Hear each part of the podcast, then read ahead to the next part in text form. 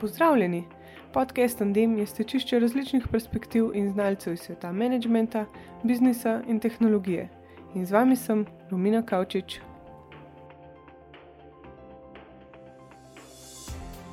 Osebne znamke so najmočnejše znamke na svetu.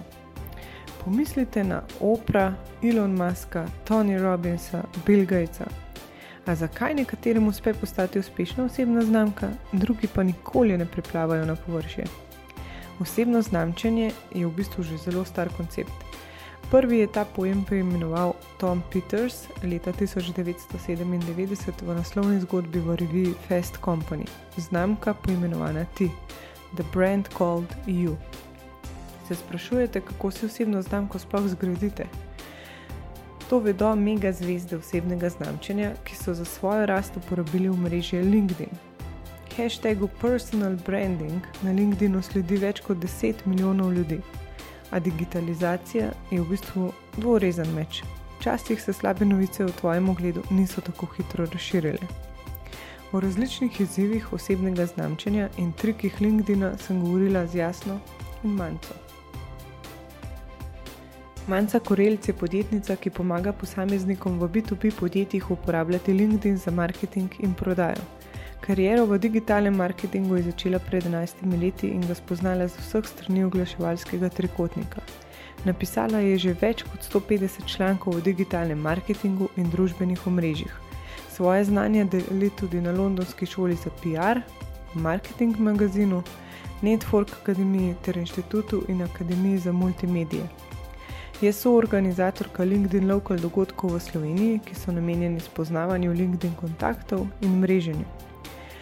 Svoje ljubezni do jezera in kolesarjenja je združila v projekt Moja jezera, v katerem s kolesom raziskuje vsa slovenska jezera. Za projekt je prejela tri nagrade za posebne dosežke vsebinskega marketinga in odličnost digitalnega projekta. Jasna Klemenc Puntar se že več kot 20 let ukvarja s prihodom na trg in svoje izkušnje iz visokotehnoloških podjetij in startupov rada deli tako na blogu Omnichannel kot tudi z mentoriranjem. Letos je razvila posebna šesttedenska skupinska usposabljanja Tvoja profesionalna znamka in LinkedIn, ki so še posebej namenjena tistim, ki spreminjajo svojo karierno pot, delajo v kreativno-kulturnih industrijah ali pa ustanavljajo podjetje je ena izmed gostiteljev LinkedIn Local inicijative Domžale Kamnik, ki povezuje lokalno skupnost kreativcev in profesionalcev. Pozdravljeni v novem podkastu, tokrat sta z nami Manca in Jasna, dobrodošli Živijo. tukaj. Živijo. Me veseli, da ste se odzvali po vabilu, pa pač kar začnimo s prvim vprašanjem in sicer, um, da se vidve predstavite na svoj način. Um, živijo, uh, jaz sem jasna in v najširšem smislu se ukvarjam s prihodom na trg. Uh, del tega je tudi lansiranje novih produktov in storitev. Um, zelo verjamem, da je dober prihod na trg vedno zmaga nad še tako dobrim produktom in da si dober prihod na trg, moraš biti dober generalist. Um, to mi gre kar dobro, uh, ker sem lansirala več kot 20 novih produktov v šestih različnih industrijah, uh, tako B2B kot B2C. Um, moji poglobljeni specializaciji sta marketing preko več kanalov, to je ta omnichannel marketing, kako temu rečejo, in pa kreiranje vsebinskih strategij. Uh, z osebno znamko in pa LinkedInom pa se ukvarjam že več kot deset let. Uh, to je bil pomemben del strategije prihoda na trg, če si želel prodajati kompleksne rešitve, programske opreme. Uh, v moji zadnji službi pa sem se ukvarjala s prihodom na trg in rastjo mobilnih aplikacij za svobodne poklice. To se pravi, tako, tako jim rečemo, freelancerji. In to je zagotovo eden iz, izmed razlogov, um, da sem se začela poglobljeno ukvarjati, kako si zgradiš osebno znamko in spletno kredibilnost, še posebej, če si zamenjal ali pa če nameravaš zamenjati svojo kariero. Zelo se uporablja ta reinvention beseda. Ali pa če imaš svobodni poklic v kreativno-kulturnih industrijah ali, ali pa si ustanovitelj podjetja. Skratka, v primerih, ko je tvoja osebna znamka tvoj biznis. Super, če ti manjka. Uh, Živijo, jaz sem Anca, jaz sem malo na krajš. Se opisala, um, sem podjetnica s poslanstvom učiti podjetja v B2B sektorju, kako izkoristiti družbene medije, oziroma v zadnjem času predvsem LinkedIn za marketing in prodajo. Kako delujem? Pravzaprav pridemo v podjetje in zberemo posameznike znotraj podjetja, ki bodo aktivni na LinkedIn in jih zdelavnica naučim. Kako urejati profil, predvsem pa kako pisati in kako izkoristiti to za online mreženje. Um, sicer pa sem tudi soorganizatorka LinkedIn Local dogodkov v Ljubljani za zdaj, v prostem času pa športnica in ljubiteljica jezer. Sliši se super, um, tako da mislim, da imate ful izkušenj in boste lahko um, na preprost način povedali, kaj sploh branding je, oziroma po slovensko znamčenje, uh, kako bi ga vidve na tak um, super način razložili, da bo vsem jasno. Ja, um, najbolj na kratko, znamke so pravzaprav percepcije. Ne? Znamka je način, kako tisti uh, doživljajo neko podjetje, organizacijo ali pa posameznika, ki imajo z njim neko izkušnjo. In uh, mogoče bi lahko rekli, da je znamka naš ta gut feeling ne, o produktu, storitvi, organizaciji ali pa osebi. Um, kar je meni zelo pomagalo razumeti, um, kako se med seboj povezujejo znamka, vsebine in izkušnje um, je bil seminar oziroma specializacija iz vsebinske strategije na Korzeri. Skratka, izkušnje so to, kar ljudje občutijo, razmišljajo ali pa ukrepajo, ko uporabljajo ali pa konzumirajo naše vsebine ali pa produkt. In ta skupek izkušenj, ki ga ima oseba z določenimi vsebinami, določa njeno angažiranje znamko. In skratka, izkušnje so zelo pomembne zaradi treh razlogov. Prvi je, da vse vsebine ustvarjajo uporabniško izkušnjo drugi, da izkušnje so povezane z uporabo, in tretji, najbolj pomemben razlog, da si ti kot ustvarjalec vsebin lahko oblikuješ te izkušnje. Jaz bi rekla, da je znamčenje, da so vse aktivnosti, s katerimi komuniciramo, kdo smo, ali kot podjetje, ali kot posamezniki, ali kot um, zaposleni v določenem podjetju, ali čist blagovna znamka, ne glede na to, kaj so produkti in storitve. Torej, da z vsemi aktivnostmi, ali so to offline, online, s produkti, kakorkoli želimo ustvarjati ja, neke izkušnje, ciljamo na emocije uporabnika. Tako na kratko. Kaj bi pa pole rekli, da je personal branding oziroma osebno znamčenje, kako je sploh osnovan uh, koncept osebne znamke? Osebna znamka ja, je malo drugačna, ker vseeno govorimo o človeku kot takem in tukaj so te aktivnosti, bolj bom rekla, še bolj osebne, a ne je še bolj pomembno, um, da ta posameznik z vsebino in z udeležbo dogodkov, kakorkoli komunicira, pove, kdo je. Ne, torej, tukaj v osnovi, kako jaz razumem in kako tudi jaz uporabljam za svoj osebni brand, predvsem gradnja kredibilnosti in z nekimi vsebinami, ja, da gradiš pravzaprav kredibilnost z neko vsebino, ki jo pa lahko po postavljaš online, k sreči v zadnjih letih. Jaz bi pa še to mogoče dodala. Uh, najprej, mogoče za začetek, osebno znamko ima vsak, uh, ne glede na to, ali z njo kaj počne ali pa ne. ne? In um, to je samo sinonim za tvoj ogled, ne renome, a si na dobrem glasu ali pa nisi.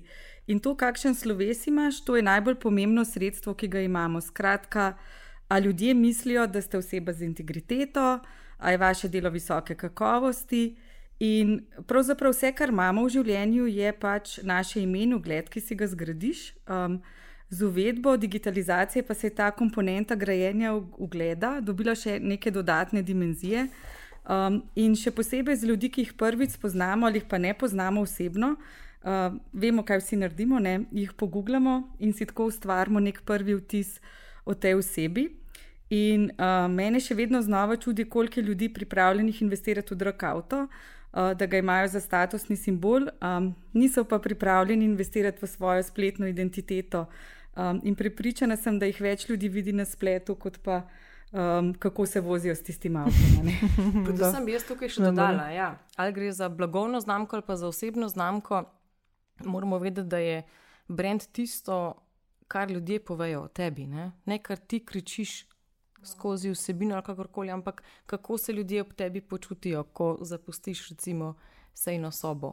Tisto je tvoj imič, tvoja kredibilnost, tvoja osebna ja, znamka. V, v bistvu ni dovolj, da na LinkedIn ali pa pač na ostalih omrežjih govorimo, da smo najboljši, um, nekako na ta način ne bomo dobili integritete. Jaz mislim, da, da ne. No. Je pa verjetno zelo odvisno od osebnosti posameznika, ki gradi osebno znamko, ampak jaz mislim, da te morajo drugi identificirati kot najboljšega. Če ti kričiš to, potem Hmm. ne. Ponavadi Tako kredibilno. Nekaj je v bistvu teorija, drugo pa praksa. ne. Um, torej, kaj bi vi dve rekli, da se razlikuje od thought leadershipa, recimo personal branding, od mnenjskega Ja, voditelja? mislim, a, to je povezano, to gre z eno z drugima. Ne? Mnenjsko vodenje je strateška odločitev, um, da se bomo pozicionirali kot mnenjski vodja v uh, določeni industriji. Um, predpogoj, da pa se to lahko sploh gremo, je pa, da imaš zgrajeno osebno znamko. ne. Uh, osebna znamka je pa baza za to. a ne. Um, um, Oziroma, jaz bi rekla, morda, da s tem, ko postajaš mnenjski vodja, si s tem lahko gradiš osebni brand. Gre eno z drugim. Ne, ne verjamem pa, da se odločiš za ali ali. Oziroma, ja, sicer pa osebna znamka so tudi zvezdniki, recimo, pa niso mnenjski vodje. Ne, tako da se razlikuje. No, ampak v poslovnem smislu, če gledamo, se razlikuje. No, ni, ampak ja, če hočeš biti mnenjski vodja, nekako imaš oboje. Ja. Mislim, v vsakem primeru Ja. ja. moraš imeti osebno znamko, ne? to je predpogoj. Ja, ampak Um, lahko je recimo ne, nekdo mislim, dober gre- programer, pa s tem, ki širi svoje znanje. Mislim, ni nujno, da pač hoče biti nek personal brand, ampak s tem, ki širi svoje znanje, hodi na predstavitve, si avtomatsko s tem gradi to. Ja, Ja, ja, hkrati ima svojo, s tem svojo znamko. ne. Ja, ne moreš biti mnenjski vodja, pravzaprav, če te ne poznajo. a Ne? Poznajo pa te, če si osebni brand. Ha, zanimiva dilema, kaj je zdaj najprej. ne? Mm. Ali eno z drugim gre nekako. No? Ja, ampak um, recimo, verjetno se nek programer ne odloči, ok, zdaj se bom jaz buildil svoj brand, ampak bolj v mislih, bom delil svoje znanje. ne. Se verjetno um, znamka Manca Korelc tudi ni postala znamka, preden nisi delila nekih free vsebin. Pa. Ne, ne. Manca Korelc znamka je, je nastala, oziroma nastaja, se še vedno gradi skozi vsebine, ki jih Mm. delim. Poslovne in tudi jezera, oboje tudi hkrati. ja. ne.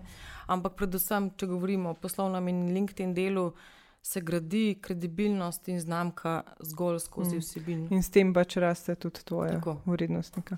Kako pa sploh lahko uporabimo pol koncept um, osebne znamke? Recimo? A obstaja kakšna razlika, kako komuniciramo za B2B oziroma B2C svet? No, mogoče, če bi na začetku, preden gremo na ta razlika B2B, B2C, ne, ker B2B je zelo povezan s tem mnenjskim vodenjem. Ne.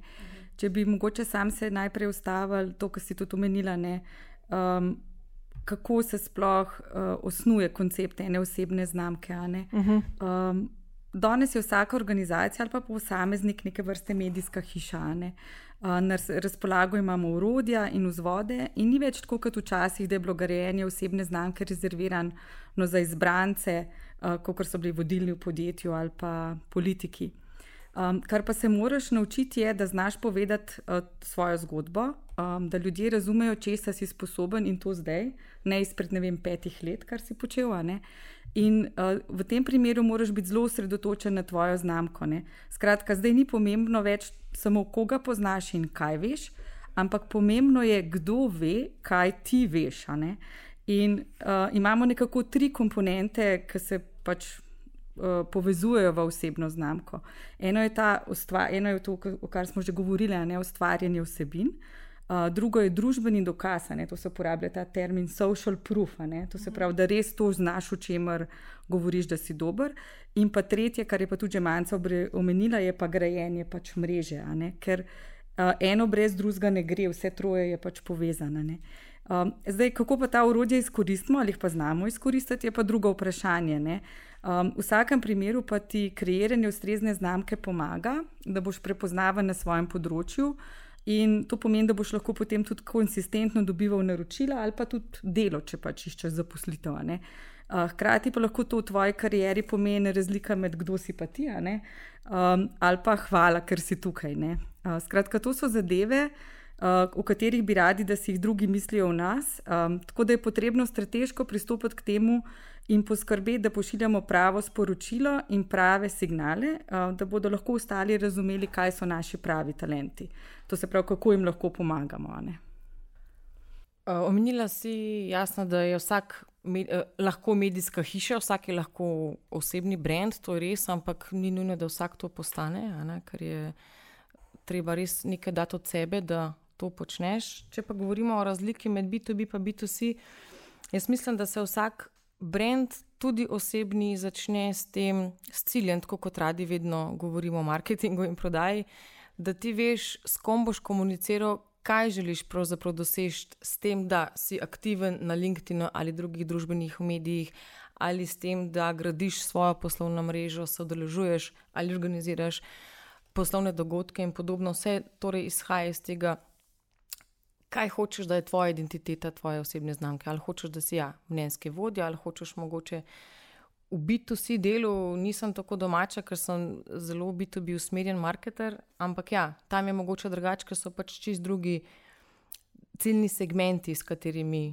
komuniciraš. In verjetno so tudi, oziroma ja, so tudi drugi mediji, ne, temu namenjeni, morda se bolj osredotočiš na Facebook oziroma LinkedIn in je vsebina drugačna, mogoče malo manj poslovno usmerjena, bolj poljudno usmerjena. Skratka, so tukaj razlike, vse izhaja pa res iz tega kaj je tvoja pozicija, ali si podjetnik, ali si zaposlen v podjetju, ali si menedžer in kaj hočeš doseči in s kom komuniciraš. Uh mhm. -huh. Pa če gledamo recimo za B2B svet, pa da se podjetje odloči za pomoč, kakšen profil nam pomaga pri tem, kakšen profil recimo človeka, marketarja. Recimo, primer eh, tebe najamejo, da jih naučiš na delavnici. Ampak, tako kot si že omenila, je neki, uh, mislim, je glede na cilj treba tudi pol definirati vsebine in zdaj mogoče podjetja niso sposobna sama pisati. Ja, mi, ko delam s podjetji, so tudi v osnovi znotraj skupin, ki so na delavnicah, različni tipi ljudi. Lahko uh mhm. -huh. so to tržniki oziroma prodajni predstavniki, lahko so predstavniki HR-a, marketinga, tako in iz tega se izhaja. Ne? In je mhm. smiselno, da podjetje, raz, tako kot so razdeljene vloge njihove, glede na aktivnosti, je temu primerno tudi, kaj so te vsebine, ki jih oni servirajo na LinkedIn, uh mhm. -huh. kot neki ambasadori podjetja. In tudi na tak način dobiva podjetje kot tako širino. Oziroma, blagovna znamka podjetja, ker pravzaprav z vsebino zaposlenih podjetij dobiva to širino. Zato je smiselno, da vsak pri sebi, jaz vedno rečem, mi se skupaj na delavnicah tudi pogovarjamo in razmišljamo, kaj je vaša vloga v podjetju, kdo ste vi kot strokovnjak, kot delavec. In iz tega izhaja potem, kako se želimo predstaviti kot nek osebni brand na LinkedIn. In je smiselno, da se razdelijo te vloge. Mhm. Torej, bi bilo smiselno, če ima neko podjetje ne vem, pet zaposlenih, pa vsak ima neko svojo um, strokovno znanje, da vsak deli, Tako. kaj znotraj podjetja pač dela. Tako. In je tudi na, na nek način vsak zaposleni promotor za določene mm. aktivnosti, naj si bodo to dogodki, seminari, konference in podobno. Imamo pa še to, bi dodala en tak oseb, posebni oseben brand znotraj podjetja, je pa direktor, ne? oziroma mm -hmm. social SEO, kot temu radi rečemo, kot trendovsko. Ne? On ima pa ja, posebno vlogo. V Sloveniji imamo že nekaj primerov dobrih osebnih brendov, direktorjev, ampak smo še tukaj, mislim, da na začetku. No? Oni so pa sploh največji ambasadori in imajo tudi sicer drugačno vlogo. Ne? In je njihova vsebina mogoče bolj usmerjena v neke success storije, uspešne zgodbe, ki jih delijo o podjetju in o svojih zaposlenih. Uh mhm. -huh. Torej so tista marela, um, influencerji na, na LinkedIn, da tako rečem. Ja, pa um, v bistvu na ta način tudi pridobivajo verjetno dosta novih ljudi v, v podjetje. Ne? Ja, to je vse povezano z employer brandingom. Torej, če vidiš, da se podjetje odpre, jaz temu rečem, da pravzaprav ne rabi imeti podjetje enkrat na leto dneva odprtih vrat, ampak v osnovi s komunikacijo na družbenih medijih, tudi na LinkedIn-u, odprejo svoje vrata in pokažejo, kdo so. Ker sploh v B2B sektorju je to zelo pomembno, ker posel se sklepa seveda med ljudmi in radi, delimo, radi sledimo bolj ljudem, kot kar logotipom in zato je pomembno, da smo aktivni in so aktivni kot menedžeri. Uh mhm. Zdaj me pa zanima, z osebnim znamčenjem res spodbudimo zavedanje o znamki. Naprimer, tako kot smo že zdaj govorili, da direktor podjetja da ima lahko močno znamko, ampak zaradi tega njegovo podjetje več proda pač nekih produktov oziroma ustvari več priložnosti. Ja, jaz bi rekel, da je to zelo odvisno, v kakšnem poslu smo. A je naš produkt ali storitev, to, kar smo pregovorili, razlika B2B, B2C, poganja marketing ali prodaja. Ne? Mogoče en ekstremen primer, da si bomo bolj predstavljali, ali prodajamo zobno pasto, ali pa imamo spletno trgovino z izdelki za, iz Kitajske, ki jih pol prodajamo končnemu kupcu, ali pa ne vem, prodajamo jedrske elektrarne ali pa motorje za letala. Um, in tle osebno znamčenje v tem primeru je zelo pomembna komponenta družbene prodaje, ne vem kako se ta social selling proda, uh, prevaja. Prodaja se ja, na mreži. Ja. Um, uh, in in tle, ene, tle so ene štiri točke. Eno je pač ta prospecting, kot je družbeno razgledovanje, to je, kaj iščemo in spoznavamo stranke um, pri, za prodajo preko družbenih omrežij. Uh, potem, seveda, je tukaj, da imamo kredibilnost, to je naša osebna znamka. Uh, potem je pa še to, kar je tudi Manca omenila, ne zagovorništvo zaposlenih, um, kot temu rečejo, employee advocacy. To je pa, ko prodajalci in ostali zaposleni uporabljajo svojo osebno prisotnost na družbenih omrežjih, da delijo novice, zgodbe in pa kakšne upoglede iz svoje organizacije. Uh, potem je pa še upravljanje odnosov. Uh, to je pa v bistvu kar uporabljanje digitalnih mrež kot kanalov za gojenje odnosov s strankami, ne, poslušanje in odgovarjanje. Um, v bistvu to nam tudi ustvarja ne, izkušnjo z našo znamko.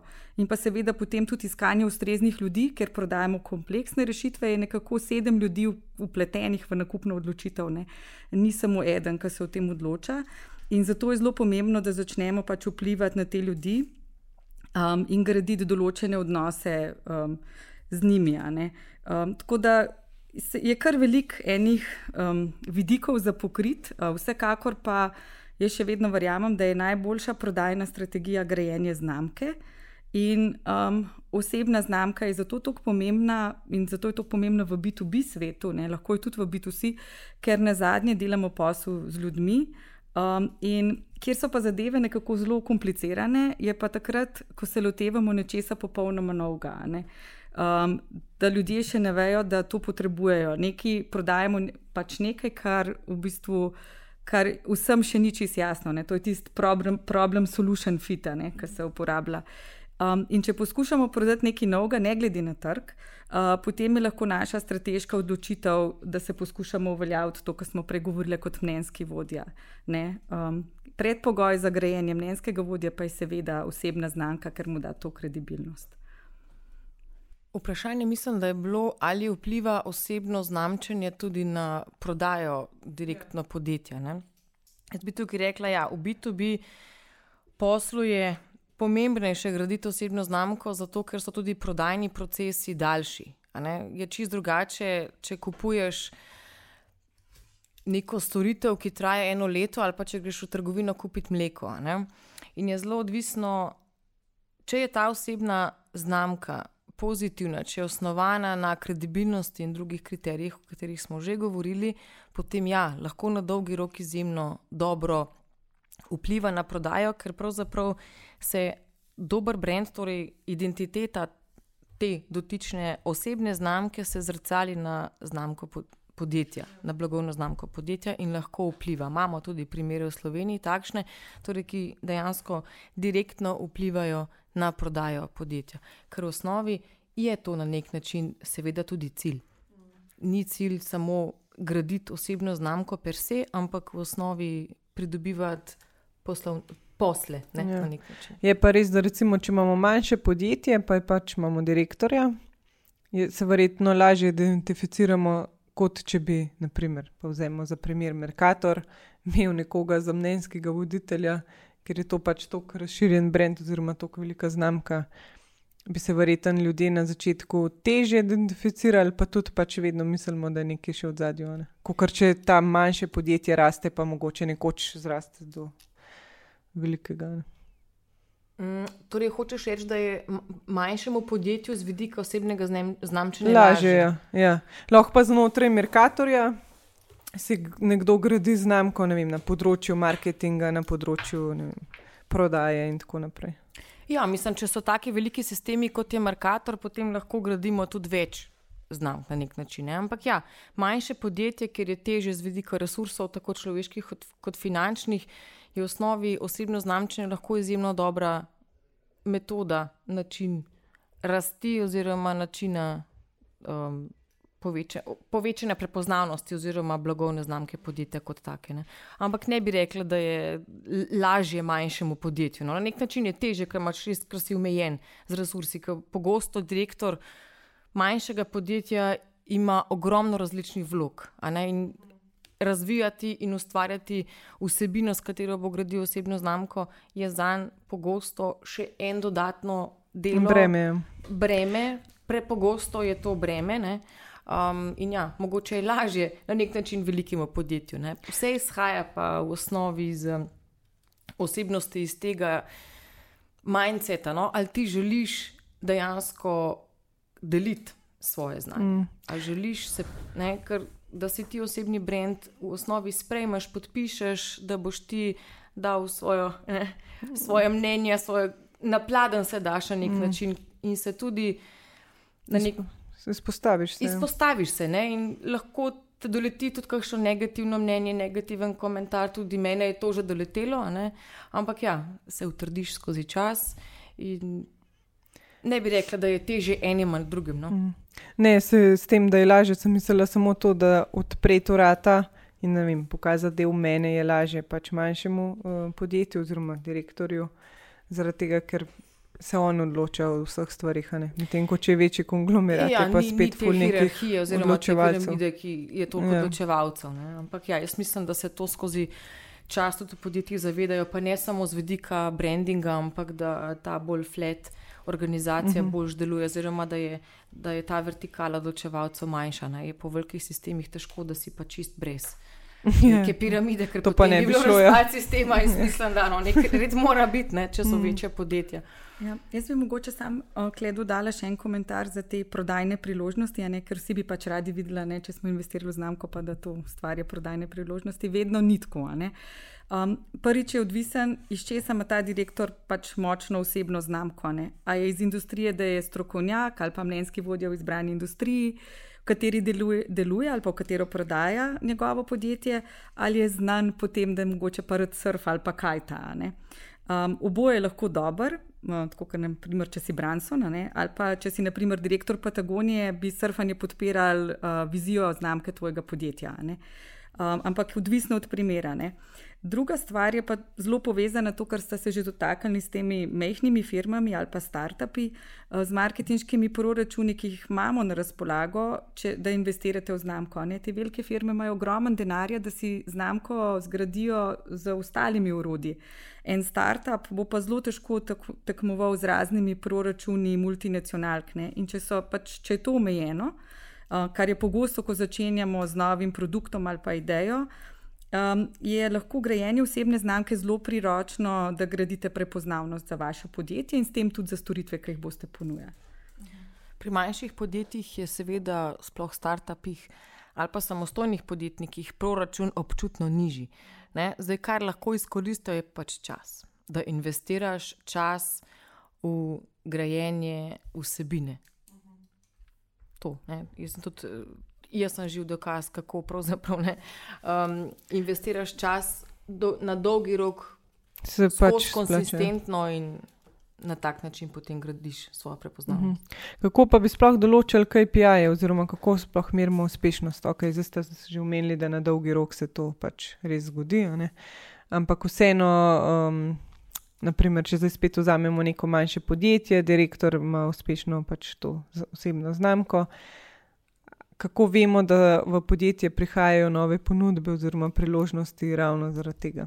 Oziroma, kako bi se sploh določili vidve, kaj ja, PI-je? Ravno danes mi je pisala ena kolegica, ki sem izkosti težila, pet na LinkedIn, pet na LinkedIn, pa je iz tega kulturno-kreativnega sektorja pa se je končno malo popravila profila. Ne? Niti ni še začela kaj posebnega delati in rekla: Veš, danes sem pa dobila prvo naročilo preko LinkedIn-a. Oh, wow. To je en tak primer. Uh, Dobro, ja, kaj je dobila direktor. Ja, um, in, in ljudem se bo, ko kar slišim, to, kar začenja potem dogajati, ker se malo angažirajo. Uh, kaj objavijo, da v bistvu, zato ker mislim, da je velikrat glavni problem ta prepoznavnost, da tisti ljudje, ki bi naročili našo storitev um, ali pa ki bi delali z nami, pač ne vejo, da mi to sploh počnemo. In če že vsaj to osnovno zadevo razčistimo, potem je v bistvu um, lahko rezultat viden zelo hiter. Uh, problem je pa tam, kjer imamo tiste dolge prodajne cikle, kjer je tudi po deset let lahko ali pa tri do pet let.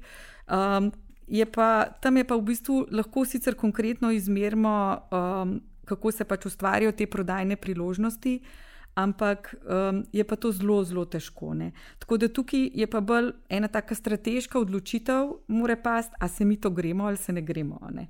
Um, ker da bomo to roji računali vsak mesec, to ne bo, to je ne mogoče. To je tako, kot pač ali gremo levo ali pa desno. Ne? Lahko rečemo, bomo tako delali ali pa tako. To je tako, kot ko lansiramo en produkt, rečemo. Uh, na več različnih načinov lahko to naredimo. Ne? In tukaj, tukaj, da bi pa zdaj vsak mesec gledali, a je zdaj uh, roj, pa ne bo šlo, zato ker so predolgi cikli, da bi se karkoli zgodil. In vedno je tako, da se more pač več stvari poklopiti, nikoli ni to samo ena stvar. Ne? Jaz mislim, da ko govorimo o KPI-jih, lahko začnemo s čist tipičnimi, če govorimo o posamezniku ali, ali to število kontaktov, ki jih naberemo na rekovajih na LinkedIn, oziroma število followerjev za LinkedIn strani, in potem, če gremo korak naprej. Je pa te prodajne KPI, so pa čist število lidov, ki dobimo, popraševanje, tako kot jaz naprej reka, da kar se res dogaja, ker tudi v Sloveniji je vse več uporabnikov LinkedIn aktivnih in dejansko smo tam s tem namenom, da iščemo poslovne priložnosti ali pa povezujemo, da imajo drugi poslovne priložnosti. Uh, treba pa tudi vedeti, ne, da ko enkrat pridemo recimo do lida oziroma do neke poslovne priložnosti, pridemo do sestanka, je tam ključno se zavedati, da potem osebna prodaja prevzame odgovornost, ali se ta posel zgodi ali ne. ne oziroma ali je to telefonski klic. Ali zgolj popraševanje, ki ga dobimo po mailu, ne, tako da gre po nekem funnelu, in je treba ja, uh, potem tam prevzame tista naša osebna prodaja, um, pre, prevzame odgovornost ali bo prišel do posla. Ne. Je pa res, to je komunikacija na družbenih medijih, če se greš strateško, pravilno, je tek na dolge proge, ampak mislim, da je, če začneš danes, da v krajšem času lahko dosegaš svoje cilje. Ja. Mogoče še ena taka pričakovanja, ne, kako rečejo, nekaj je, ki ti ta lit pade ali te pa povabijo, ne vem, tako kot si ti zdaj nas naj povabila, ne, uh, da prideva na ta podcast, ne, da kaj govoriš ali pa da si udeležen v kakšnem intervjuju. Um, na dolgi rok pa nekako pravijo, da je to kakšne tri leta, da traje, da pač se konstantno trudiš, v bistvu, da je to pol tisti jackpot. Ne da Aha. začnejo stvari kar same od sebe leteti. Tako da ni, uh, ne bi rada ustvarila pričakovanj, da bi bilo to kar nekaj čez noč, da je to en quick fix, growth hack. Ja. Neki, uh, to, to ne, ne bo šlo. ja. Um, Tako kot za noč v življenju. Ne ne. Ne. Tudi potem, po teh treh letih, jaz imam tudi svojo izkušnjo tako, da traja nekje tri leta konstantnega dela in pridnega objavljanja, ampak tudi potem se ne smeš ustaviti, ker komuniciranje na, link, na LinkedIn oziroma na družbenih medijih je ongoing proces. In se ne smeš ustaviti, potem, ko ti enkrat začnejo ljudi leteti v inbox, ne, je, je takrat mogoče, ko mi štartaš, karikirano, ne, da je takrat res treba nadaljevati nadaljevati. Tako kot v športu, pravzaprav. Ko prideš do nekih rezultatov, še vedno si lahko boljši, oziroma da ustraješ pri tej svoji formi. Mm. Drugače mišice vsahnejo. Ja. um, na kaj bi vi rekli, da moramo biti pozorni pri osebni znamki, ker jo pač nikoli ne bomo mogli zamenjati? Ne? Kaj je tisto, kar je mogoče ključnega pomena? Recimo na LinkedInu, če povem čisto iz osebnih, um, jaz takoj da manj follow, če kdo šera, ne vem, pač kakšne osebne stvari. Uh, Ampak tako pretirano osebne. Zdaj je spet odvisno, kdo si kot osebni brand. Če si kot freelancer, recimo, potem ljudje dejansko radi preberejo tudi kakšno osebno stvar, ampak ne preveč. Vseeno vse nekako v posel zapakira, da tako rečem. Ne? Ampak jaz bi rekla tako, na dolgi rok, oziroma da si ti varen v smislu pozitivne osebne znamke, je vedno lahko, da ustvarjaš kredibilnost, da ti ustvarjaš kot, no, rekla, mnenjske vodje, kot to te drugi označijo. Ne? Ampak da imaš ti pri sebi cilj, jaz bom vedno vodil svojo osebno znamko v smer, da bom dajal ven znanje In to znanje se z leti tudi spremenja, dodaja, razvija in tako naprej. Jaz mislim, da si vedno na varni strani, če ustvarjaš na osnovi kredibilnosti. Če ustvarjaš na drugi strani svoj brand kot kričanje, jaz sem najboljši, jaz sem najboljši, nekaj časa te slišimo, potem te začnemo, potem te bomo unfollowali, ne, oziroma te bomo. Um, ti ne bomo več sledili in te bomo preslišali. Ne? Tako da jaz mislim, da je content marketing, osebinski marketing uh, najboljši način preizkušeno, kako lahko ti na dolgi rok um, leta in leta gradiš svojo znamko. Ja, pa ne samo na LinkedIn. V bistvu. Ja, no, na splošno, ne samo na LinkedIn. To je samo eden izmed medijev. Ja. Zdaj, LinkedIn kot tak, jaz sem velik ambasador tega medija, vsekakor, ampak ni pa edini. Ne? Če ja. hočeš ti graditi blagovno znamko, ni edini. Tudi jaz ko sem začela graditi uh, blagovno znamko, sem začela hoditi na poslovne dogodke, tako da so me ljudje tudi uživo videli, ne da sem se sem online pojavljala. Ne. So tudi PR članki, ogromno sem tega pisala na začetku svoje te branding poti. Ne. Sem uh, kontaktirala tiskane ali pa online revije, medije, vse sem prebrskala, googlala in googlala v nedogled, da sem našla čim več medijev, ki bi mi. Dali, odstopili, v narekovajih, prostor, kamor jaz lahko zapišem svoje znanje v obliki članka. Tako da LinkedIn je seveda perfekten medij, zato ni pa edini. Mene zanima, zakaj misliš, da ne moramo menjati osebne znamke. Ne? Mislim, ne moramo zelo težko popraviti ugled, če smo se no, pač v tem smislu. Ja, ja. Ampak drugače pa tekom karijere, ne, um, zdaj ni več tako, da si stalno v isti karieri. Ljudje tri, sedemkrat baje. Imamo ta ja. reinvention, da se zamenjamo tekom življenja. Ne. In vsakeč potem v bistvu ti malo zamenjaš, kaj je ta tvoja osebna znamka, zato ker pač druge stvari uh, zagovarjaš. Ja, ne, se ni bilo tako mišljeno. Ker, recimo, če, gled, ja, ugled, če, mi, če gledamo recimo, skozi leta in tako pridobivamo nove znanje in vedno plujemo malo drugačne vode. Ni to, ok, da jutro bom pa jaz mizarka, pa bom pač začela čez drugo vsebino. Ampak počasi mogoče pridobivam novo znanje. Ne. Zdaj, če pa ne vem, nekaj res zafrknem pa se pač začne v meni slabo pisati, ali pa mogoče celo jaz sama sebe potegnem v, nek negati, v neko negativno spiralo, je pa zelo težko vam pridati. Ja, to, to, pa že, to pa že pol tisti, ki delajo krizni PR na stolu. Ja, ne vem, če sem vam idve zma, jaz nisem za to usposobljena. Ampak to je to. Sreči nisem imela za, za svoj brend, če nobenega kriznega menedžmenta. Ampak tako bom rekla, jaz verjamem, da. Ja, zdaj, če res ni si naredil neke epske, velike napake, ki bi imela težke učinke na ogromne ljudi, da v osnovi verjetno ljudje slejka pri na to tudi pozabijo. Ampak ja, ostane pa neka črna pika, verjamem. No? Ampak, Ja, jaz bi mogoče kle dodala, sem zadnjič na LinkedIn-u zasledila eno tako osebno zgodbo, pa sem jo polajkala, ker mi je bila zelo zanimiva. Um, kako, um, in to je tudi na sveta. Uh, um, kako so v bistvu ena punca ni dobila službe uh, in je potem slučajno slišala, uh, da ker nista dobro odložila telefona. Uh, in sta bila še na telefonski konferenci, um, in ni dobila službe zato, ker je bila flavka na uh, Facebooku, ne vem, imela je tatuje, pa hodila je po zabavah, ampak nič kaj tazga, da bi bilo sporno, samo pač tisti rekruter, ki ni bila všeč zaradi tega. Um, in tukaj um, tukaj je treba zelo paziti, kako imamo te digitalne nastavitve narejene na profilih. Um, jaz sem zadnjič eno direktorico um, probala dobiti, sem razlagala za ta LinkedIn Local, pa se recimo ni odzvala niti na enem mediju. Ampak uh, tam je imela LinkedIn profil čez zaprt, tako da če nisi bil njen uh, ta first degree connection, ne, uh, niti nisi videl njene slike.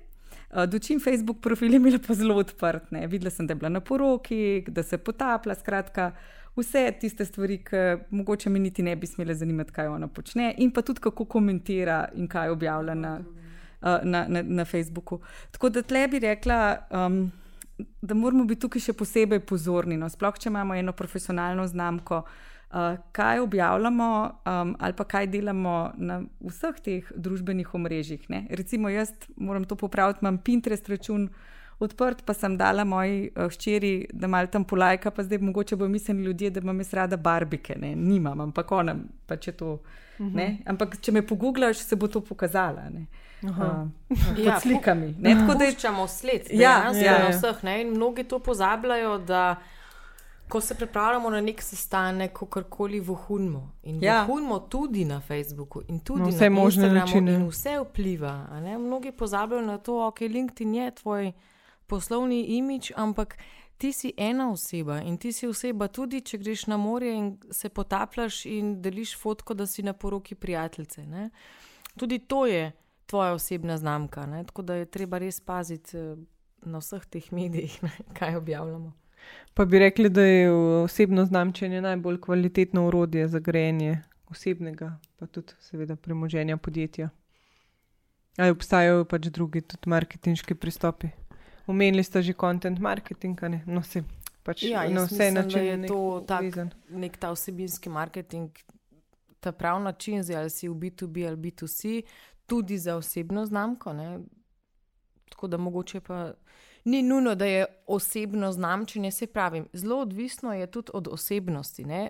Oseb, branding je pogosto povezan z javnim nastopanjem um, in s tem z veščinami pisanja, recimo, če ne daš tega uh mhm. -huh. nobenemu drugemu delati. Ne? Se pravi, ne more biti, po mojem mnenju, glih čist vsak.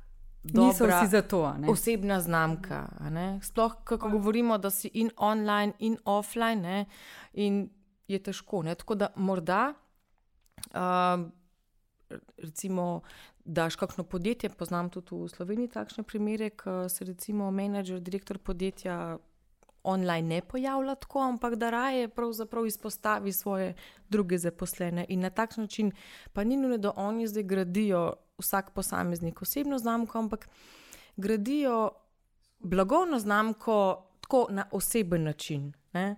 Um, tako da je čisto odvisno, zdaj, če nisi človek za to, ampak prebereš, da je osebni branding pa super, pa če ti to ni blizu, če ti je to mučno, potem ni najboljši uh mhm. -huh. način za to. Pa bi, pa bi rekli, da lahko outsourcamo nekoga. Naprimer, da se jaz danes odločam, da bom pač začela graditi content marketing, glavno. pisati osebine, lahko outsourcam nekoga, jaz, da piše v meni. Jaz, ja, jaz mislim, da um, za ta del, ne, kjer so te vsebine, ki bi prinašale prodajne rezultate ali pa ki bi ti kradle znamko, lahko bi nekoga outsourcala. Bolj je problem, da mora vsak sam zase pa pogruntati, kaj je pa tista zgodba, ne? narrativ, kot se temu reče. Ne? In to je pa nekaj, kar lahko samo vsak sam zase pogrunta. Um, če ti to en drug napiše, ne bo v duhu tega osebnega brenda, ker bo pač fake. Ne? Ja, kar se vidi, da je narejeno, ampak jaz mislim, da tako, če govorimo o kakšnih. Pod, uh, menedžerjih večjih podjetij je pogosto praksa, da imajo neko asistentko oziroma asistenta, ampak je smiselno, če je to outsource, da je dotična oseba v firmi. Ne da to dela neka agencija, čist zunanja, ampak v osnovi ali je to nekdo iz marketinga ali je to tajnica, kakorkoli. Torej, nekdo, ki ima veščino pisanja in razume medije, družbene in druge medije, kamor se objavlja ta osebina, in pač da razume direktorja kot osebnost. Jaz mislim, da se to da. Ampak ja, ne gre pa kar od, čez noč, torej verjetno se mora ta skupaj usesti parkrat, razloži, kaj je ta zgodba, kaj je mogoče njegov why ali pa zakaj podjetja, mm, in se potem skupaj da verjetno naučiti to vsebino. Boljš pa je, če piše sam, to pa vedno. Ne? Ja, ali pa vsaj, jaz sem slišala za te primere, um, smo se zanj pogovarjali um, s kolegi po LinkedIn Local za avtomobilsko industrijo, ne, da večina teh predsednikov prav, kar dost sam, mislim, operativno sami objavljajo, vendar pa jim pač vse tekste pripravlja ekipa. Ne. Ampak dejansko je pa zelo lahko neugodno, ne. recimo tudi na LinkedInu, ker je pač ta čet, ne. kaj če ti kdo napiše tam zelo nekaj vsebenega. Ne. ne vem, če hočeš, da imajo vsi dostopno. Mogoče. Ja, se zato pa. To je kar mal, uh, bi tako rekla. Um, no, ja. To pa pišajo. Direktori objavljajo pa sami. Ja, jaz tudi to mislim. Ja. Jaz mislim, da je taka mogoča kombinacija. Ja. Da še vseeno morajo nekako določene stvari nekdo objavljati. No? Ja, ker tudi. Ali pa upravljati, ja. tem, ker je to res osebna stvar. Pomembno je vedeti, da je LinkedIn namenjen tudi grajenju odnosov. In nikoli ne more nekdo prevzeti vloge za ta odnos z določenimi ljudmi. Ne? Ker kakšen direktor lahko se pozna z določenimi ljudmi in lahko samo on komunicira, ena na ena. Ja, tako je. Eno se objavi, ampak vsekakor, če se hočeš šiti kot social SEO, moraš vedeti, da si boš mogel trgati določen kos časa na teden, recimo. Da, da odgovoriš na vprašanja, komentarje. Recimo, tudi, ne, eno je objaviti neko vsebino, kaj pa potem, ko se zgodi kakšen komentar. S kakšnim ja, vprašanjem. To je zelo osebno. Lahko, lahko je zelo osebno, lahko pa zelo strokovno, ki tista oseba ne ve ne odgovora. Zna, ja. Tako da tukaj je. Ja. Po mojem, še najhujše v bistvu je komentar, pa ga pač nihče ne odgovori. Ne, ne. Ja, je... Če se pač to greša, ne, potem to spada v paketu. Ne. In kar nekaj dobrih praks je, ko se to pač grejo. Mm. Uh, če pa se ne greš, pa bolj že te sploh ni na LinkedInu, mm. ker je potem ja. samo še slabš, če noč ni. Se to je. Um, kaj pa bi vi dve rekli, da so tri najbolj uporabni triki oziroma nasveti za LinkedIn? Aha, jaz, mogoče bi še nekaj dodala, preden gremo na to. Uh, to je to, te marketinške metode za upravljanje znamke, ki sem hotela še nekaj tukaj povedati. Skratka, to, kar je že Manca povedala, ne grajenje kredibilnosti, pa mreže, pa ustvarjanje vsebin, ki razložijo tvojo zgodbo, in potem seveda, da tudi to zgodbo ne živiš. Ne? Um, ampak, kar mi, mi je zelo zanimivo, uh, zasledila sem en zelo zanimiv post, kako se tega lotiš, če v bistvu um, nisi še nič na tem delu. Um, in um, investicija te ugrajene znamke je lahko zelo velik vzvod uh, tudi za rast podjetja ali pa posameznika, in se mi je zdel zanimiv ta pristop, ne? če začenjaš iz nule. Najprej se vprašaš nekaj osnovnih vprašanj uh, in poskušaš napisati za vsako vsaj eno stran odgovora. Najprej, katerih je tistih pet najbolj vrednih stvari, ki jih veš o tvoji industriji ali pa dejavnosti? drugo je, s katerimi izzivi si se moral soočati in kako so ti izzivi vplivali na te, da si postal to, kar si danes.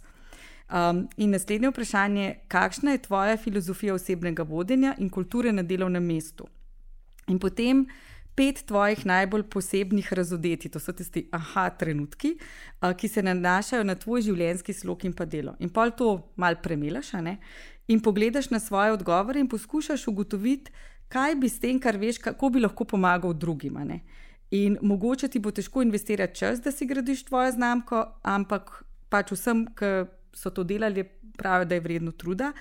Uh, in je v tem uh, fora, da pač pomagaš drugim, da deliš tvoje poglede in to te potem loči od ostalih ljudi. In nihče ne more razmišljati ali pa delati stvari na tanko, tako kot ti. In zato te, te stvari potem naredijo nepre, nepogrešljivega, in tako si zgradiš svojo osebno znamko. Se pravi, govorili smo ne o teh vsebinskih strategijah, ampak kako pa pride do teh vsebin, tukaj je recimo en tak hitri recept za to. Jaz bi tukaj dodala pri tem hitrem receptu na rokovajih, da pogosto, ko podjetja ali pa posamezniki začnejo s komunikacijo, da mogoče nimajo vseh teh odgovorov. Ne? In tukaj se pogosto ustavijo v smislu, začela, začel bom objavljati na LinkedIn, ko bom res imel vse te odgovore. Ne? Škoda je čakati, ne? začni, pa boš mogoče tudi sproti našel te odgovore. Kaj bi jaz dodala tukaj za tri neke trike skozi LinkedIn, poleg tega, da si dobro optimiziraš LinkedIn profil, je ključno da ustvarjaš vsebino, pa ko govorimo o vsebini, da se tukaj raje držiš pravila manj več mogoče, torej da raje manj objaviš, pa se za tisto vsebino res potrudiš, da investiraš svoj čas v razmišljanje zdaj, da za vsako objavo nekaj naučiš, nekaj daš mreži, ker to je smisel. Potem druga stvar, ki je izjemno koristna za grajenje kredibilnosti, je odzivanje na vsebine drugih. Torej, ko se logiraš v fit, da ne skrolamo samo vse poprek, v nedogled, ampak da se ustaviš in ne samo da lajkaš, ampak komentiraš v smislu, da ustvarjaš nek dialog na tak način, da postaviš vprašanje mogoče tistemu avtorju vsebine ali pa da komentiraš svoje mnenje, svoje izkušnje, torej da, povez, da daješ svojo, svoje izkušnje, svoje znanje tudi na tak način skozi vsebine drugih. Um, to, no, to bi rekel, da je ključno. Ja, da, ampak da imaš pa ti ustrezne vsebine na svojem feedu, moš pa tudi razmisliti, s kom se povezuješ, da ne sprejmeš v svoj poslovni mhm. krug čisto vseh. Kako pa to vpliva? Mislim, ker pač nekateri vem, da imajo tudi pol poste, v jaz imam pa že ne vem, 100 tisoč followerjev. Ampak če je teh 100 tisoč nekvalitetnih, oziroma če je polovica teh nekvalitetnih, verjetno. S tem si prej škodiš, no? mm. ker je tako. Ko objavimo neko vsebino, seveda želimo odziv, želimo engagement. Ne? In je tukaj recimo en dober KPI, torej da vidimo, pomembno je, da skozi to, ko raste naše število kontaktov, da enako raste tudi število nekih, in, nekega engagementa na naše osebine. Ker če to naraste sproti, potem je to znak, da narobe gradimo mrežo. In to kvečemu škodi. Ne? Mi, ki se s tem ukvarjamo, ko znamo hitro presoditi, aha, če vidim, da ima profil 20 tisoč followerjev, pa ko nekaj objavi, tri reagirajo, to je kvečemu slabše. Mm. To je šum. ja, šum. Um, no, mogoče bi dodala, da ne bojo isti kot od manjce, še tri dodatne trike ali pa uporabne nasvete, um, pa se malo navezujejo. Prvi je definitivno ta, um, kar, kar, to, kar smo zdaj govorili, ne, da si moraš zbrati eno vertikalno zgodbo. Ne, ne moreš biti vse vsem um, in ne moreš vseh ljudi dodajati, vse povprek. Um, pač LinkedIn ni urodje za ljudmi, za ljudi, ki imajo tri različne karijere ali so pa zelo močni generalisti. Se moraš odločiti za eno stvar ali pa maksimum za dve. Um, in pa stvar, tukaj je tudi Manca rekla, da če si šele na začetku, ne čakata. Ne? Uh, objav si en, kar jaz temu rečem, MVP, to se pravi minimum viable profil, kjer si urediš fotografijo, kratek opis, izobrazbo, samo pač te zaposlitve na hiter in začni predvsem slediti um, te hashtage, ne, uh, ki se uporabljajo v tvoji industriji in tistim, ki so ti podobni, ali pa bi jim ti rad bil podoben, globalno. In da vidiš, v bistvu, kakšna, kakšna konverzacija poteka na tvojem področju. Um, in uh, podoben pristop velja tudi, če recimo nimaš še kakšnega produkta ali pa, pa raziskuješ trg. To je lahko zelo dobro urodje za raziskovati trg. Um, ali pa zelo dobro urodje, kam se boš premaknil, če se delaš ta karier reinvention, ne, da si novo kariero ustvarjaš. Um, in pa tretja stvar, ki se mi pa zdi, da premalo ljudi to izkoriščajo, mogoče eni, ki so iz teh bolj dizajn, kreativnih poklicev, je pa to, da si pač narediš portfolio. Zdaj LinkedIn omogoča, da tudi objavljaš vse te bogate vsebine gor. In uh, ljudje si bistveno bolj zapomnijo vizualne vsebine, kot pa če ti tam ene tekste, opise napišeš. To, če imaš še tisto staro verzijo, ki si CV prekopiral, um, to ni nekako. Um, skratka, se te bojo drugače zapomnili, če boš, to, če boš investiral čas, v bistvu, da si boš to um, popravil. Um, ker najbolj pomembno je, da to smo se že večkrat dotaknili, pa bi mogoče še vse dodatno povdarila, da je LinkedIn stran v bistvu tvoja najbolj obsežna biografija na spletu, ki je zelo dobro optimizirana za iskalnike. Tako da v večini primerov, če te nekdo pogugla, um, se, kot, se bo LinkedIn profil znašel kot prvi zadetek na spletu. In ti imaš s tem možnost, da poveš tvojo zgodbo tako, kot si jo ti želiš, ne pa kot so te kašni mediji objavljali. Mhm. Obe dve sta že omenjali, da je treba profil optimizirati. Kaj, recimo, če bi eno stvar mogli omeniti, ali pa pač par stvari, ja, kaj to pomeni. Težko izpostaviti.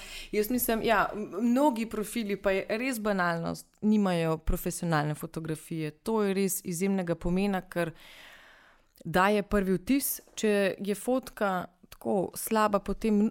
Pogosto niti ne brskamo naprej po profilu, tako da si lahko slabo fotografijo zakleneš vrata, čisto tako na začetku. Uh, treba razmisliti o naslovni fotki, o headlineu, torej ti si above the fold, ki prideš takoj na profil, kaj so tiste ključne zadeve. Kontaktne podatke, torej ne, LinkedIn profil, ja, so v osnovi zelo statične osebine, gor, pa vendar je na nek način tvoj landing page, če rečem. Ne. Se pravi, smiselno je, da dovajamo uporabnike gor, torej rabimo tudi nek call to action v smislu, kaj počnemo kaj delamo, za koga, katere probleme rešujemo, da se dodajo kontaktne informacije, da je služben mail, gor svojo GSM številko, torej da LinkedIn profil izkoristimo kot neko e-commerce, no, našo pravzaprav, ne, da, smo, mislim, da imamo res dostopne podatke. Uh, jaz bi tukaj še par stvari pri teh trikih dodala. No, uh, Ker smo zadnjič tudi na LinkedIn Loka z, z gostjo govorili, da skozi objave, ki jih ustvarjamo, lahko izjemno dobro tudi razumemo svoje naročnike, svoje potencijalne stranke. Ker je Monika razlagala, da ko je nekdo postavil vprašanje ob njeno objavo, se ona nauči, česar njene stranke ne vejo. Ne, torej je izjemno dober tudi za razumevanje svojih strank. Ne. In tako jasno, prej, ki si omenila, ne, mnoga podjetja ali pa agencije recimo, počnejo več stvari, ali se gre to za marketinško agencijo, kakorkoli, ampak je smiselno tudi z vidika ali profila, če tako rečem, ne, da se mogoče odloči res za eno tematiko, če tudi ima več storitev v zadju. Uh -huh. Ampak da vstopiš na LinkedIn kot strokovnjak za določeno nišo. Ne da si all over, ker potem nisi nič v osnovi. Ja. Um, povezujejo vaju pa tudi LinkedIn local dogodki. Pa me zdaj zanima, mislim, bi prosila, če v, pač upišete, kaj se sploh je to. Kaj so LinkedIn, dogo uh, LinkedIn local dogodki? Ja, uh, zgodba se je začela v Avstraliji, mislim, da je 2016 ali 2017, ko je uh, ena uh, ena avstralka, objavila na LinkedInu objavo uh, z vabilom svojih LinkedIn kontaktov, da grejo na kavo. Čist preprosto. Uh, in je z tega nastalo celo gibanje. Torej, namenjeni so da svoje LinkedIn kontakte spoznaš v živo. Torej, da povežeš online v offline.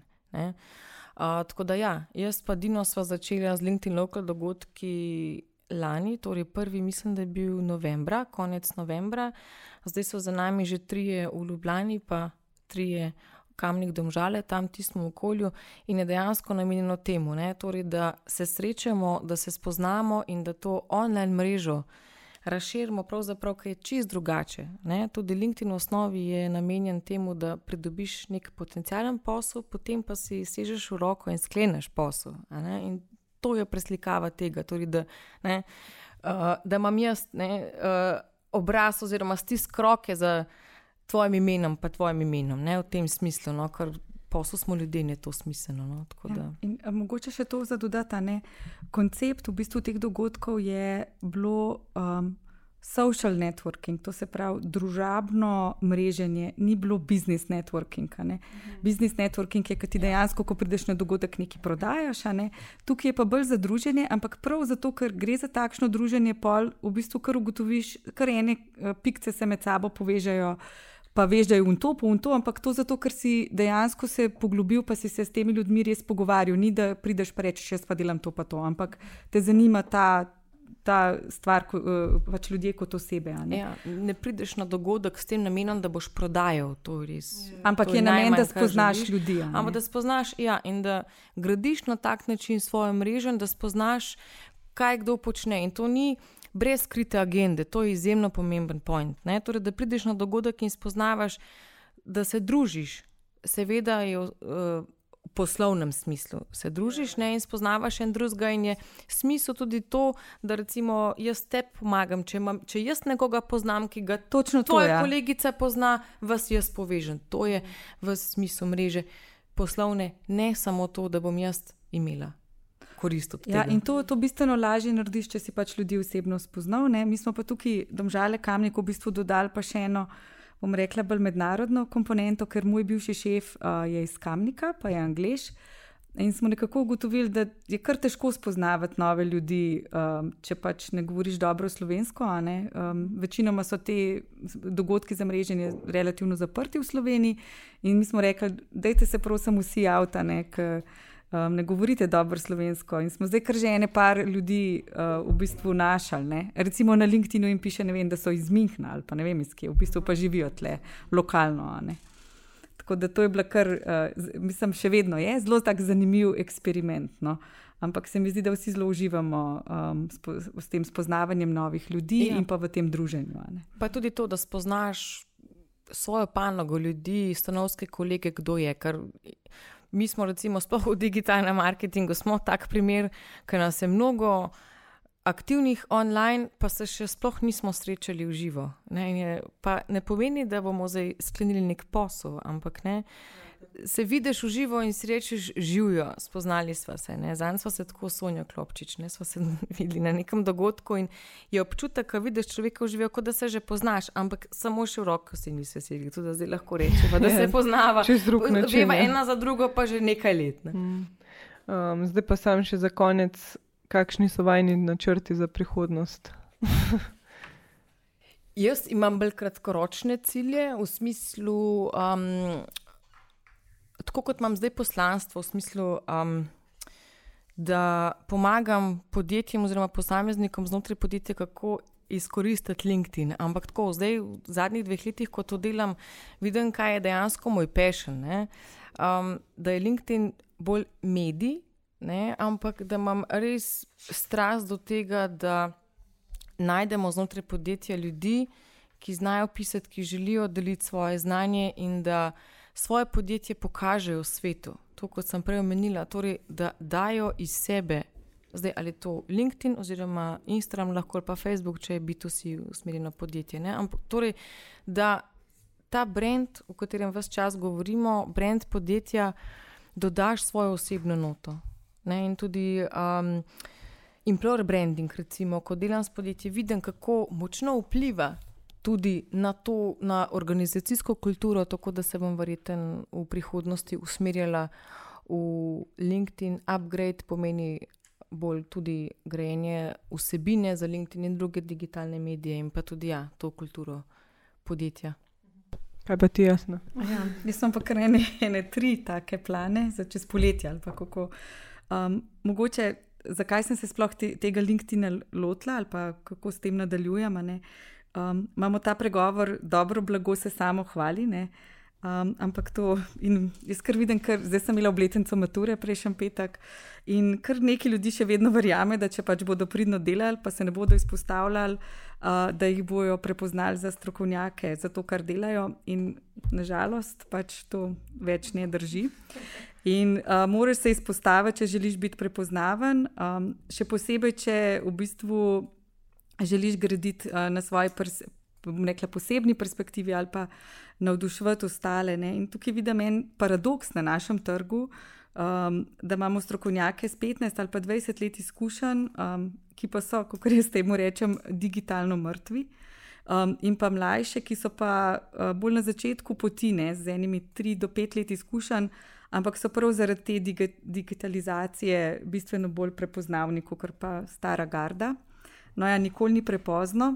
Um, jaz v bistvu zdaj delam že četrto uh, serijo v bistvu teh šest tedenskih skupinskih coachingov. Um, ali pa, kako bi rekla, usposabljen za osebno znamko. In imam kar ene 80% takih ljudi, ki so bolj digitalno mrtvi, nimajo Facebooka, niti nočejo imeti Facebooka. Um, um, in nekako mi je uspel v bistvu jih, um, bom rekla, motivirati. motivirati ja, Spodbuditi. Da, da, v bistvu, da so si začeli graditi osebno znamko na LinkedIn in so zelo zadovoljni, zato ker imajo pač 15 do 20 let izkušenj, imajo zelo velik trek rekord. Škoda um, za take ljudi, da. Ne, ker veliko dajo nazaj družbi. S tem, ko ti to niso samo ena objava na LinkedIn, to je samo tehnični vidik. Ja, to so res eni briljantni ljudje, Ampak za da, katere nihče ne ve. Ne? Da se drugi, pa... ljudje, se lahko, drugi se od njih lahko učimo. Ne? In to so ljudje, stara garda, ja. ne, ki imajo res leta in leta, desetletja izkušenj uh, in se lahko od njih res ogromno naučimo. In zato to je tudi smisel cele zgodbe objavljanja na družbenih medijih. Ja. Tako da moram reči, to je eno tako moje mini osebno poslanstvo. Um, in zato tako uživam delati v bistvu te delavnice oziroma ta usposabljanja. Nekako sem gotovila, da je šest tednov tako optimalni čas, da ljudje razmislijo, uh, v bistvu, kako se bodo pozicionirali, ker če tega nikoli nisi delal, pa če nisi pač iz marketinga, je to zna biti lahko kar težko. Um, no, potem, kar še delam lokalno, poleg teh coachingov, je pa mentoriranje na Ljubljanskem univerzitetnem inkubatorju in pa tudi, kar se zelo veselim, na Centru za kreativne industrije. Um, za prihod na trg, um, lansiranje produktov, pa tudi v povezavi z grajenjem osebne znamke ustanoviteljev. Um, kar se tiče pa globalnih načrtov, to sem pa že tudi prej omenila, pa um, s kolegoma uh, Nasti Šušnjara in pa Bobom Snyderjem. Um, pač končujem in moram pač, bomo lansirali spletno izobraževanje za prodajo izdelkov in storitev. Um, ko si izberemo, da ne gremo na trg direktno preko spletne trgovine ali z lastno prodajo, ampak preko prodajnega kanala, kot je distributer. To se pravi ta channel marketing. Jaz imam še en cilj zase. Knjigo o jezerih moram napisati. Vse je v teku. Ful vam hvala, pa je ja, nažalost prišli teden, moramo prekiniti snimanje. Tako da na svete bomo pa dali v te komentarje, oziroma bom jaz dodala linke, če bo karkoli tazga. Ja, seveda. Ful vam hvala. Lahko pošljeva in pa hvala tebi za povabilo. Najlepša hvala tebi, Romina, za povabilo. Z veseljem. Hvala. Hvala za poslušanje. Če vam je bila epizoda všeč, prosim, pustite svojo oceno na iTunesih ali pa me potegajte pod afna poslušajte nem na Instagramu, Twitterju ali Facebooku. Tako bodo za kul vsebino izvedeli še drugi. Če pa imate predlog teme za novo epizodo ali pa gosta, pa mi lahko pošljete e-mail na hej, afna poslušajte nem.si. Se slišimo!